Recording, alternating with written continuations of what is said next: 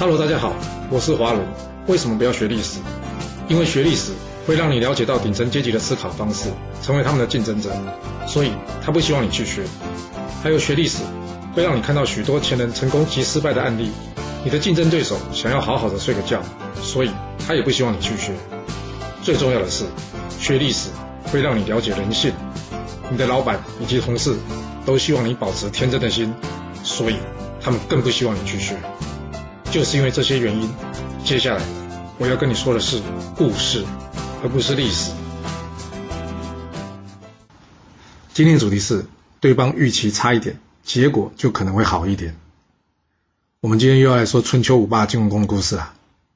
这晋文公成为天下霸主之后啊，有一天他想要修理一些呢不听话的小国，但师出总要有名啊，总不能自己当老大就随便出兵去霸凌人家吧。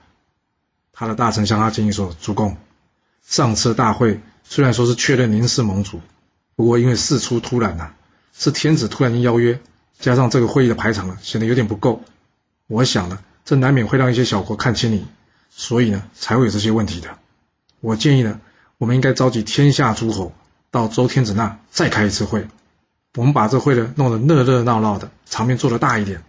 一来，这让天子有面子；二来。”对于那些不听话、不来开会而怠慢周天子诸侯，我们就有理由出兵修理他们呐。但一旁的另外一位大臣赵衰却说：“主公，这个建议虽然很好，但是因为你刚刚上任了，我看周天子对我们还没那么放心。若是我们找天下诸侯一大群人领军来到周天子的王城，我怕周天子会因为害怕或是担心会有问题而拒绝您呐。一旦天子拒绝，那……”不等于被天子打脸，反而影响你的威望吗？我建议啊，这个方案可以稍微修改一下，就是呢，我们还是要大会天下诸侯，但不要到周天子王城。我们可以周天子以巡视地方为名，先到我们两国边境，然后呢，你再用招待周天子的名义呢，请天下诸侯来朝见周天子，这样就不至于让天子担心或者害怕了。加上这所有的开支花费都是我们来出的。这周天子可以在这边显显威风，这种事他没有理由会拒绝的。晋文公听完之后觉得，嗯，赵衰这个修正的建议案比较可行啊，所以他派赵衰去周天子那向他说明了。赵衰领命之后呢，随即前往这洛邑，也就是王城去觐见这周天子啊。周天子问他此行的目的啊，赵衰说：“我家主公呢，想找诸侯们一同进京来见大王啊。”周天子听完之后呢，点点头，却没做任何的回答。他告诉赵衰：“一路过来你也累了，你先回公馆休息。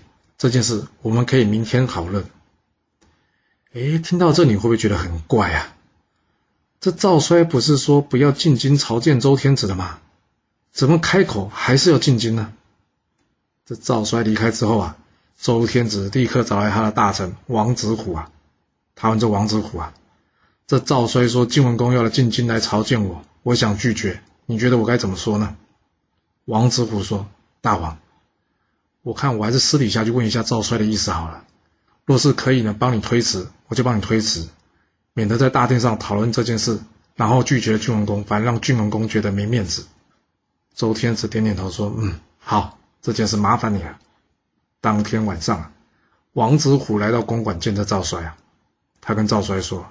哎，我听大王说，你家主公想来朝见他，但是一大堆人来到京师，我怕这京师的人民恐怕没见过这么大的阵仗，到时候大家争相来看，这人一多话就多，话一多难免会出什么乱子，你说是吧？赵衰啊，装糊涂的说：“哎呀，你这样讲有道理啊，不过怎么办呢？我出门之前，我家主公已经通知各国诸侯，要大家准备来朝见周天子。哎。”要是大王不同意，你想我该如何回复我家主公啊？这王子虎一听，哇，那现在该怎么办呢？赵衰想了一想，说：“嗯，办法是有的，但是我不知道方不方便说啊。”王子虎说：“有什么方法？你赶快说吧。”赵衰接着说了：“我们两国边境呢，温这个地方本来就是以前周天子的，古代呢有天子巡狩地方这习惯，要不这样，天子呢？”可以放出消息说要到温地巡狩，而我家主公呢，再率领大家呢前来到这个地方来朝见周天子。这样一来呢，是诸侯主动求见周天子，面子上比较好看。另外呢，我家主公表达忠心的意思，也不至于被拒绝。你觉得怎么样？王子虎一听，嗯，这样好，真是好办法。于是他赶紧回去向周天子禀告。周天子一听，嗯，这行，这方案还不错，于是就答应了赵衰的提议了。赵衰其实呢是先给一个较差的方案，让周天子的预期降低，之后呢再提出一个相对可行的方案。这有两层意义啊：一，两害相权取其轻。周天子与其在王城会见诸侯，在温这个地方会见诸侯，相对较为可行。另外，总不好连续推翻晋国的两个提议吧？